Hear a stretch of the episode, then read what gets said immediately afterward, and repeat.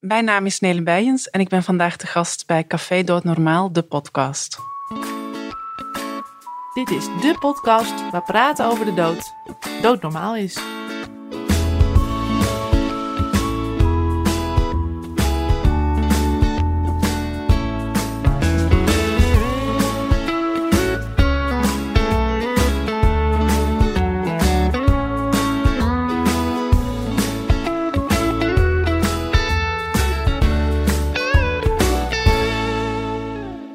Vanuit onze studio in een verlaten NVVE-kantoor heet ik je welkom bij weer een nieuwe aflevering. En tevens een nieuw seizoen van Café Dood de podcast. Het is alweer het vijfde seizoen.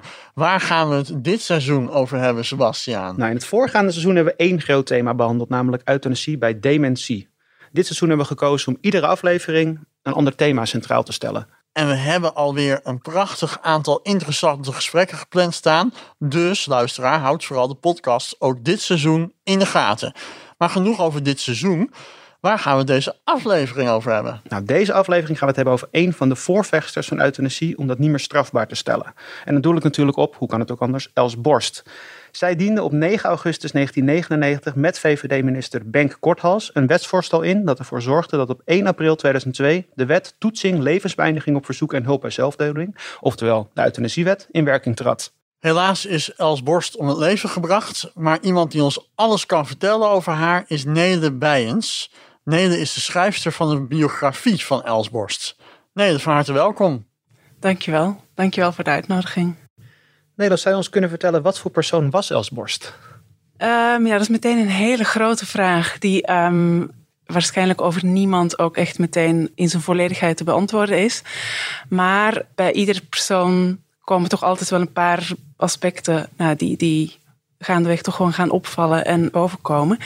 En ik denk als je naar het leven van Els Borst kijkt en, en van ja, wat voor mens, wat voor persoon zij was en, en hoe zij opereerde, dat je dat dan vooral de aandacht getrokken wordt door um, het feit dat zij op de een of andere manier uh, altijd wel, wel boven kwam drijven.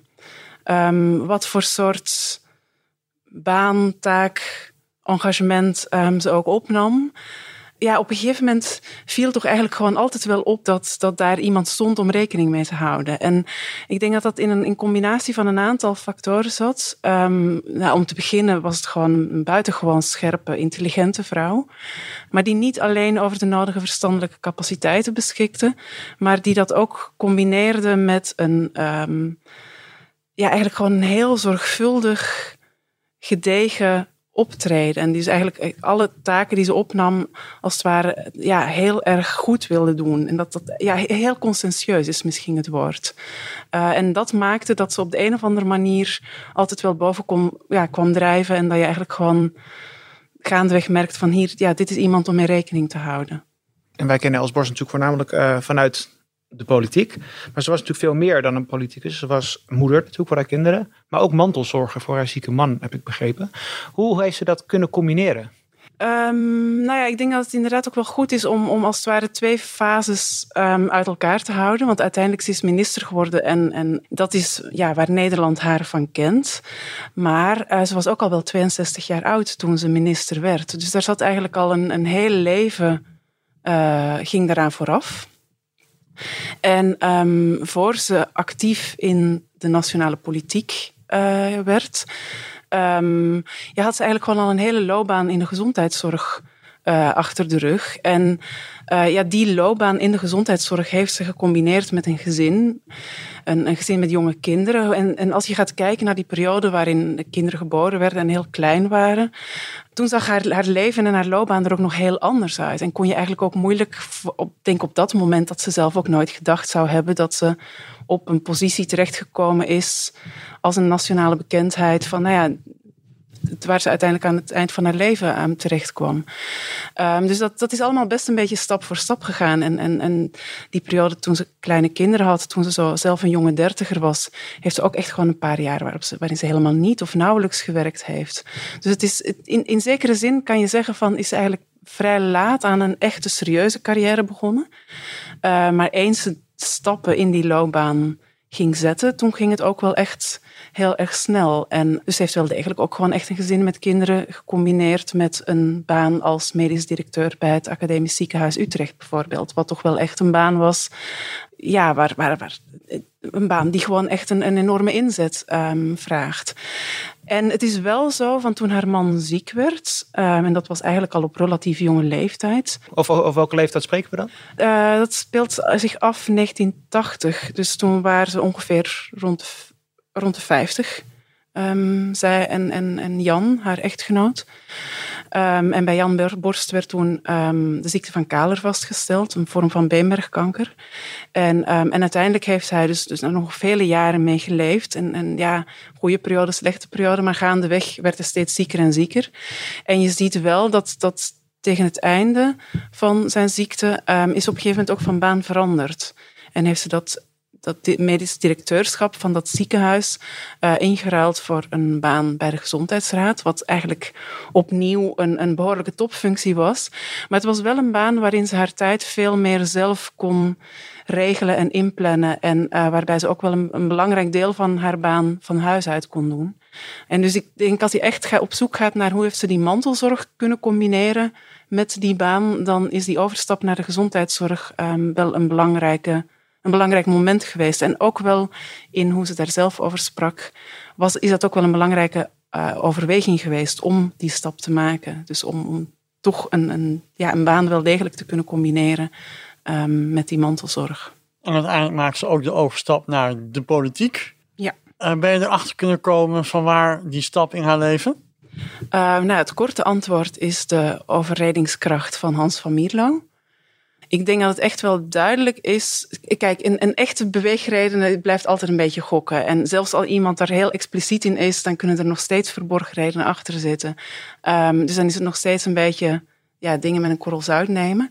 Maar ik denk dat je wel heel duidelijk kan stellen dat een loopbaan in de nationale politiek nooit iets is geweest waar ze, wat ze echt ambieerde, waar ze echt naartoe werkte of naar uitkeek. Integendeel, dus in die zin is dat, het is een beetje flauw om te zeggen van de overredingskracht van Hans van Mierlo, maar die, die, die overredingskracht heeft wel degelijk een wezenlijke rol gespeeld. In de zin van, als Hans van Mierlo haar niet gevraagd had en niet aangedrongen had op het feit dat zij minister uh, zou worden, dan zou ze dat ook niet gedaan hebben. Maar tegelijkertijd was het ja, tegen dat moment dat ze minister werd, was ze dus al de 60 voorbij. Had ze al, al heel wat um, in die gezondheidszorg zien voorbij komen. Heel veel verschillende functies gehad. En werkte ze inmiddels ook al wel heel wat jaren bij de Gezondheidsraad, waar ze als vicevoorzitter van de Gezondheidsraad um, eigenlijk ook wel een beetje het gezicht was van de medische wetenschap van Nederland. En waar ze uh, ja, eigenlijk toch al jaren functioneerde als, als een belangrijke adviseur, beleidsadviseur van het Nederlandse kabinet. Dus ze had eigenlijk ook al heel wat achter de schermen, als het ware, heel wat overleg gevoerd met politiek. Ze had eigenlijk, als het ware, in die functie die politieke wereld ook al wel leren kennen. En um, ik kan me ook wel voorstellen, en, en dat, dat heb ik ook wel te horen gekregen van mensen uit haar omgeving, dat ze het op een gegeven moment ook wel leuk vond om in plaats van de hele tijd met adviezen aan te komen, ook wel eens een keer zelf aan de knop te zitten. Dus het, ik denk dat het toch een beetje die mengeling is van um, absoluut ook een plichtsbewustzijn. Van, van um, nou ja, Hans van Mierlo deed een beroep op haar en dat, dat speelde zeker een rol. Maar het, ja, ik denk dat ze ook wel na al die jaren het gevoel had van ik heb hier iets te bieden en hier, in die functie kan ik ook wel iets gaan doen. En dat heeft ze zeker gedaan. Uh, ze is verantwoordelijk geweest voor uiteraard de euthanasiewetgeving in Nederland. Maar ik denk bijvoorbeeld ook aan de donorregistratie. Ja. En wat dreef haar specifiek daarin? Specifiek donorregistratie of specifiek euthanasiewetgeving? Ik val het dan even samen als de medisch-ethische kwesties. Uh, ja, als je kijkt naar de drijfveer achter die medisch-ethische wetgeving. Nou, bijvoorbeeld uh, bij de euthanasiewetgeving denk ik dat je twee sporen kan onderscheiden. In de eerste instantie het spoor van een, een liberaal ingestelde politicus die um, het heel belangrijk vond om uh, mensen zoveel mogelijk zeggenschap te geven over hun eigen leven. En dat impliceerde dus ook het einde van het leven. Um, en dat zie je eigenlijk in, in niet alleen het ministerschap, maar ook in de manier waarop ze in de gezondheidszorg geopereerd heeft, wel echt terugkeren als een, als een constante. Dus ook patiëntenrechten um, was echt een belangrijk thema. Dus het hele idee van mensen ja, zoveel mogelijk zeggenschap geven over wat er met hun eigen welzijn, hun eigen lichaam, uh, hun eigen leven gebeurt.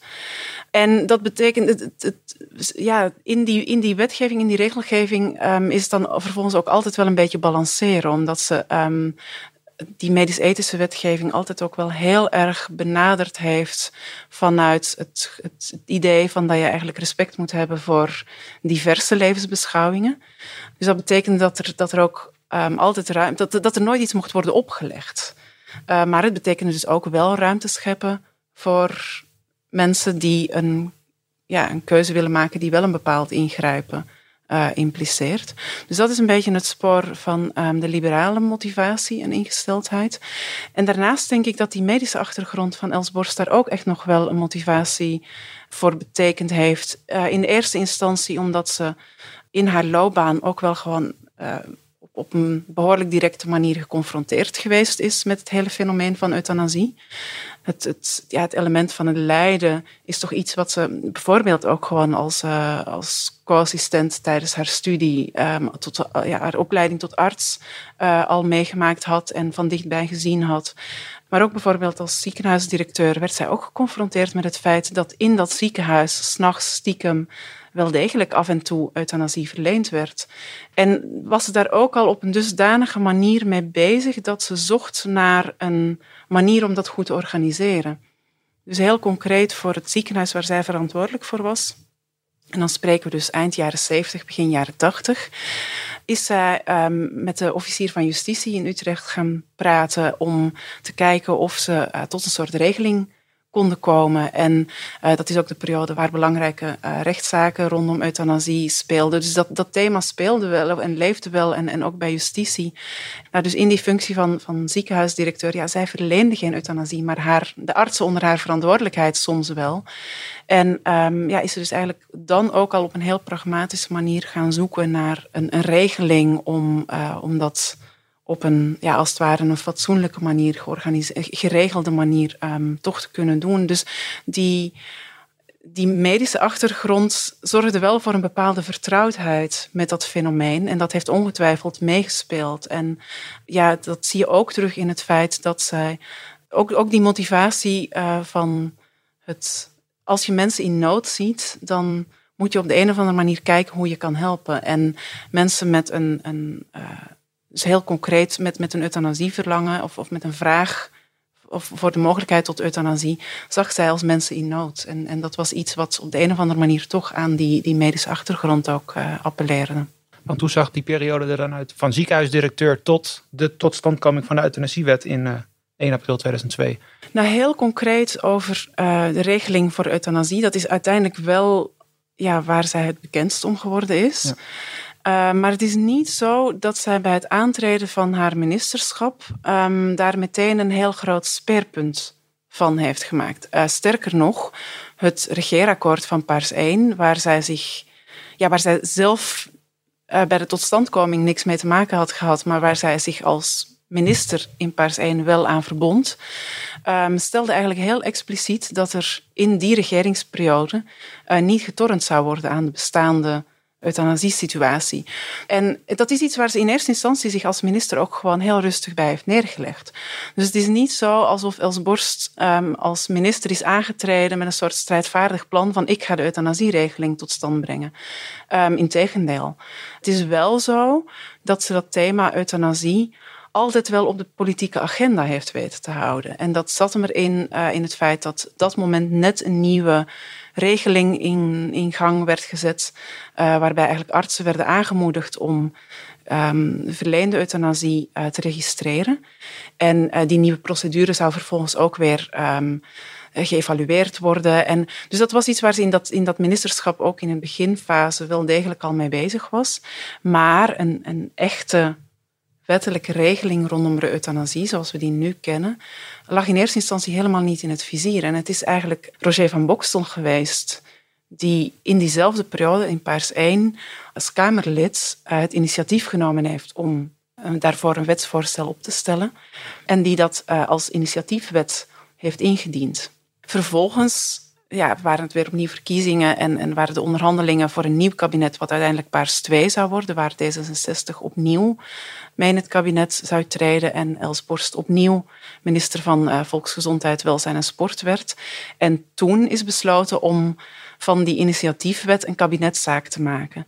En het is eigenlijk ook pas vanaf dat moment dat um, ja, die, die, dat wetsvoorstel uh, dat de euthanasie moest regelen uh, onder de hoede van Els Borst kwam, als het ware. Het is eigenlijk ook pas vanaf dat moment dat zij daar echt persoonlijk ook zo verbonden mee geraakt is. Dus in zekere zin kan je ook wel zeggen, dat het dankzij die tweede bewindstermijn dat dit uh, vandaag de dag als haar belangrijkste wapenfeit gezien wordt. Maar was de wet er gekomen zonder de inzet van Els Borst op dit dossier? Uh, dat blijft altijd koffiedik kijken. Dat is een beetje wat if. Uh, maar ik denk het eerlijk gezegd van wel. Uh, met het feit dat, um, dat dat wetsvoorstel er als een initiatiefwet gewoon wel degelijk lag, betekent nog niet dat het meteen ook goedgekeurd zou zijn. Um, dat, ja, dat is een beetje, een beetje vraag natuurlijk. Maar vroeg of laat um, zou dat toch gewoon op die agenda gekomen zijn. En, um, en ik denk dat op een gegeven moment de tijd er ook wel rijp voor was. Ik denk wel dat Els Borst als persoon wel een cruciale rol gespeeld heeft bij als het ware het, het zoeken naar een, een best een breed draagvlak voor die regelgeving. Dus tegen de tijd dat die wetgeving dan uiteindelijk ook effectief werd goedgekeurd, in 2001, zie je wel dat er, ja, ondanks het feit dat dat toch best een, een, een complexe en gevoelige materie ligt, uh, ja, is, die voor een deel van de bevolking altijd onmogelijk zal blijven, was daar best een, een, een breed draagvlak voor gecreëerd. En ik denk wel dat zij daar een belangrijke rol in gespeeld heeft. En, maar ja, goed, dat betekent niet dat zij per se de enige was die dat ooit voor elkaar zou gekregen hebben. Dus ja, volgens mij zou het ook zonder haar er wel gekomen zijn, maar misschien had het dan de regelgeving er net wat anders uitgezien. Of, um, uh, ja, of was het toch met iets meer strijd gepaard gegaan. Kun je een voorbeeld geven van die persoonlijke inzet om draagvlak te creëren? Heb je die kunnen achterhalen? Nou, in zijn algemeenheid is dat lastig te zeggen, maar wat er zeker bij meegespeeld heeft, is dat um, het toch echt om een, een deftige, vriendelijke, grijze dame ging met gezag, die um, ook nog eens een keer met het gezag van een, een arts uh, kwam vertellen dat het, dat het ja, eigenlijk gewoon toch echt allemaal degelijk en, en zorgvuldig geregeld was. Um, je ziet dat ook in, in alle pogingen die als borst deed om het buitenland te overtuigen van het feit dat euthanasieregeling in Nederland toch echt een zorgvuldige procedure was en dat dat, dat, dat geen Wild waren. Um, en, en ja, daar, daar op de een of andere manier speelde gewoon haar persoonlijkheid daar absoluut wel een rol in. Maar je ziet het ook wel in um, het feit dat ze het ook wel een beetje in, in haar politieke entourage, um, als het ware de, de, de geest wel rijp gemaakt heeft voor die euthanasieregeling. En iemand als Wim Kok bijvoorbeeld, uh, ja, die stond daar in eerste instantie toch gewoon een beetje huiverig, of misschien is huiverig niet eens het, het echte goede woord, maar toch een beetje onwennig over. En was, was zeker niet happig om onder zijn verantwoordelijkheid uh, met zo'n regelgeving te komen. Um, maar ja, dat soort mensen wisten op een gegeven moment toch het, het ook wel gewoon de, betekenis van, van het lijden en, en ook de sereniteit die daarmee gepaard kan gaan uh, met, met, ja, als je dat allemaal een beetje zorgvuldig aanpakt, uh, ja, wist toch wel ook, ook heel persoonlijk um, over te brengen. Maar dit is eigenlijk een hele lastige vraag om echt hard te maken. -huh. Dat is een beetje, nee. Dat snap ik, ja. Je kunt niet naar alles onderzoek doen natuurlijk. In iemands leven. Uh, sowieso niet in ons leven, maar heel concreet, ja, met historisch onderzoek ben je ook wel gebonden aan, aan um, uiteindelijk het materiaal dat overgebleven is en, en ja, wat dat je echt zwart op wit kan, uh, kan hard maken. Want wat heeft jou doen besluiten om, daar, om, om de biografie te schrijven over Els Borst? Ja, dat is ook best wel een, een samengaan van een aantal factoren. Um, wat mij echt op het spoor gezet heeft van um, Els Borst is toch, ja, zijn eigenlijk als het ware de reacties die ik rondom mij ontwaarde na het overlijden van Els Borst in de periode daarna. Ik werkte toen op dat moment in Amsterdam bij de UVA en daar werd best uh, met, met, met ja, er werd best heftig gereageerd op dat overlijden. En natuurlijk had dat voor een deel ook wel te maken met de manier waarop. Maar er was ook nog iets anders aan de hand. Het was een, een, een beetje een uh, reactie alsof een bepaalde groep Nederlanders en ergens ook wel een, een beetje een symbool waren kwijtgeraakt. En um, dat ben ik gaandeweg gaan interpreteren als het, het, het symbool van, van toen progressief Nederland het vanzelfsprekend vond dat Nederland progressief was. En daar was Els Borst vooral door die medisch-ethische wetgeving toch een belangrijk boegbeeld van geworden. En ik ben zelf in 2001 in Nederland komen wonen als student. En dus ik ben anders dan mensen van mijn generatie niet opgegroeid met minister Borst. En ja, dat vond ik als historicus een, een, een hele intrigerende reactie. Die mij toch wel een beetje op het pad zette om te gaan onderzoeken van wie was dat nu eigenlijk. En hoe meer ik me ging verdiepen in de persoon van Els Borst, uh, hoe meer ik het gevoel kreeg van ja, hier staat niet alleen een interessante persoonlijkheid. Hier is ook een persoon wiens levensloop iets kan vertellen over de ontwikkeling van de Nederlandse gezondheidszorg in de tweede helft van de 20e eeuw. En um, daar zat dan ook gewoon een persoonlijk aspect aan. Ik was als historicus begonnen als politiek historicus, maar op een gegeven moment overgestapt naar de medische geschiedenis. En ik had ook al een biografie geschreven, dus dat, dat genre was um, toch ook al wel vertrouwd. En dat ik op een gegeven moment het gevoel had van ja, hier, hier moet ik gewoon een, um, een biografie aan wijden.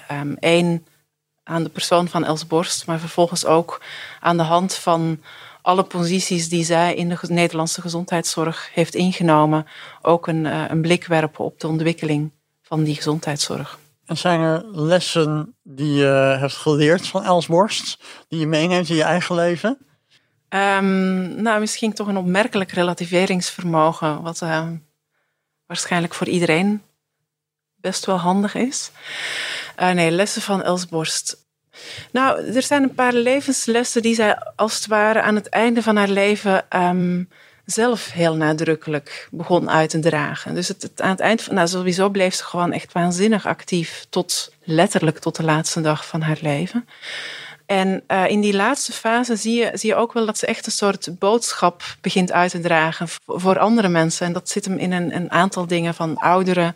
Die roept echt op om, um, om actief te blijven, om actief in het leven te blijven staan. En op die manier ook gewoon nog iets te blijven betekenen voor je medemens, voor de maatschappij. En dat kan op een hele kleine, praktische manier ingevuld worden. Maar ook bijvoorbeeld um, vrouwen riep ze aan het eind van haar leven eigenlijk vrij op, expliciet op om um, wel degelijk gewoon stappen te zetten in, uh, in je loopbaan. En als iemand anders zegt van dat je een bepaalde functie kan, ga dan vooral niet twijfelen, maar ga er gewoon voor. En zonder dat je daarbij, uh, want dat heeft hij ook niet gedaan, um, concreet toewerkt naar een, een heel specifiek doel. Maar kijk gewoon wat er op het pad komt. En als je ergens voor inzet, dan uh, blijken heel veel dingen interessant. En uh, het ene kan ook vervolgens weer een, een, een nieuwe uitdaging um, op je pad brengen. Dus dat, ja, dat, dat zijn wel lessen die ze zelf expliciet uitdroeg en die ik ook wel mooi vind. Um, waar, ze, waar ze eigenlijk gewoon echt heel erg, nou ja, ook wel, ook wel echt teruggreep op haar eigen leven en de keuzes die ze zelf gemaakt hebben, heeft en, en zaken die voor, voor haar goed uitgepakt hebben. Uh, maar waarbij ze eigenlijk als het ware een soort ondertoon meedroeg van blijf niet bij de pakken zitten en, en onderneem vooral dingen en kijk waar het spoor je brengt. En dat vind ik wel iets moois om mee te nemen, ja. Vind ik inderdaad heel inspirerend. Ja, nee, ja, klopt. En um, uh, was hij zichzelf bewust van uh, de rol die zij uiteindelijk gespeeld heeft in onze geschiedenis. Was ze zich daar op dat moment van bewust, denk jij, voor zover je hebt na kunnen gaan? Ik denk niet dat ze daar persoonlijk heel erg mee bezig was. Ik denk ook niet dat dat een motivatie was. Maar ik denk wel dat ze zo strategisch en intelligent genoeg was om dat wel degelijk te beseffen, ja. Maar ik denk niet dat dat op een of andere manier een rol gespeeld heeft. Of, of daar ben ik ook niet echt iets over tegengekomen eigenlijk wat jij al zegt. Van uh, ga er gewoon voor. Dan, uh... Nou ja, het was gewoon iemand die, um, die heel veel zaken uh, interessant vond. En ja, eindeloos, ook als minister bijvoorbeeld, heel veel vakliteratuur nog bleef bijhouden. En um, dus het was iemand die, die wel degelijk met interesse en een, en een bijzonder actieve houding um, in het leven stond. En wat er op haar pad kwam, nou niet altijd met beide handen aangegrepen heeft. Ze heeft eigenlijk ook best vaak, zeker in, die, in, die, in, in, in de eerste helft van haar leven, uh, behoorlijk wat duwtjes nodig gehad. Maar die uiteindelijk, uh, ja, als ze zich ergens voor engageerde, daar, daar voor de ja, zich daar voor de volle 100% um, ehm, voor inzetten. En heb je enig idee, het is heel moeilijk, hè, dat weet ik, maar heb je enig idee wat Els Borst van de huidige uh, initiatiefwet voltooid leven zou vinden, wat nu uit handen van D66 komt? Uh, ja, daar heb ik op zich wel een idee over. In de zin van, um, nou, daar moet je twee zaken bij onderscheiden. Eén, het hele idee van een regeling voor het fenomeen voltooid, of wat we vandaag de dag voltooid leven noemen. Um, daar zou ze echt, echt heel erg uh, voorstander van zijn. Dat is iets wat ze ook tijdens haar leven voor het ministerschap, tijdens het ministerschap, na het ministerschap ook wel, um, waar ze heel expliciet over geweest is. Um, dat um, haar, of tenminste haar euthanasiewetgeving, het is niet haar euthanasiewetgeving, maar het is wel, ja, die wetgeving is wel heel erg aan haar naam vastgeklonken. Dat is voor haar nooit een eindstadion geweest. Dus dat, dat was geen eindstation. En, en dat was voor haar gewoon een stap op weg en best een belangrijke stap en, en waarschijnlijk de maximaal haalbare stap op dat moment. Maar dat er vroeg of laat nog een, een regelgeving um, zou komen, zou moeten komen volgens haar, die uh, ook mogelijkheden geeft voor mensen die het gevoel hebben dat ze, ja, hoewel ze niet ziek zijn en, en um, geen wezenlijke medische problemen hebben, um, toch klaar zijn met het leven. Dat, daar was zij echt een, een, een grote voorstander van. En um, ik denk dat ze dat eigenlijk ook persoonlijk best lastig gevonden heeft dat ze daar zelf niet iets voor heeft kunnen doen. Dus dat zij zelf wel degelijk het gevoel gehad heeft van hier staat een groep mensen die in haar, ja, in, in, in, in haar optiek wel degelijk uh, leden. Uh, waar, zij, waar zij niks voor heeft kunnen doen, die zelfs als het ware in de kou heeft laten staan. Maar dan is het vervolgens de vraag: zou ze de regeling zoals die er nu voor ligt ook hebben ondersteund. En um, daar heb ik sterke twijfels bij. En dat zit er met name in het feit dat zij um, altijd heel expliciet benadrukt heeft dat um, euthanasie het domein van artsen is. En eigenlijk ook in haar optiek uh, absoluut het domein van artsen moet blijven. En dat is een, een principe uh, wat op dit moment in het wetsvoorstel, uh, zoals het er nu ligt, is losgelaten. Ik denk dat ze daar grote problemen mee zou hebben. Helder, mooi. Dank voor je antwoord. Interessant om uh, dit van iemand te horen die zich helemaal verdiept heeft in het leven van Els Borst. we zouden er volgens mij nog uren over door kunnen praten, er heel veel meer te vertellen. Wij hebben ingezoomd op een klein stukje eigenlijk van het leven, namelijk haar, haar leven als politicus en de hele rol die ze gespeeld heeft in de euthanasiewetgeving. Als mensen er meer over willen lezen, dan kunnen ze de biografie kopen. Uh, die uh, gewoon nog steeds in de boekhandel ligt, geloof ik. Dank voor je komst naar de studio. Dank voor uh, het beantwoorden van al onze vragen. Ja, jullie ook. Dankjewel voor het gesprek. En graag tot ziens. Tot later. Dit was het weer voor deze aflevering van Café Doodnormaal, de podcast. Volgende week zaterdag staat er weer een nieuwe aflevering voor je klaar in jouw favoriete podcast-app. Voor nu bedankt voor het luisteren en wil je nou geen aflevering missen, vergeet dan niet te abonneren. Dan krijg je automatisch een melding als er een nieuwe aflevering voor je klaar staat. Vond je het nou interessant om deze podcast te luisteren? Laat dan vooral een beoordeling achter. En mocht je nog vragen hebben naar aanleiding van deze podcast, dan kan je altijd mailen naar jongeren.nvve.nl. Als laatste willen we nog de NVVE bedanken voor het mede mogelijk maken van deze podcast en zeggen we tot de volgende aflevering.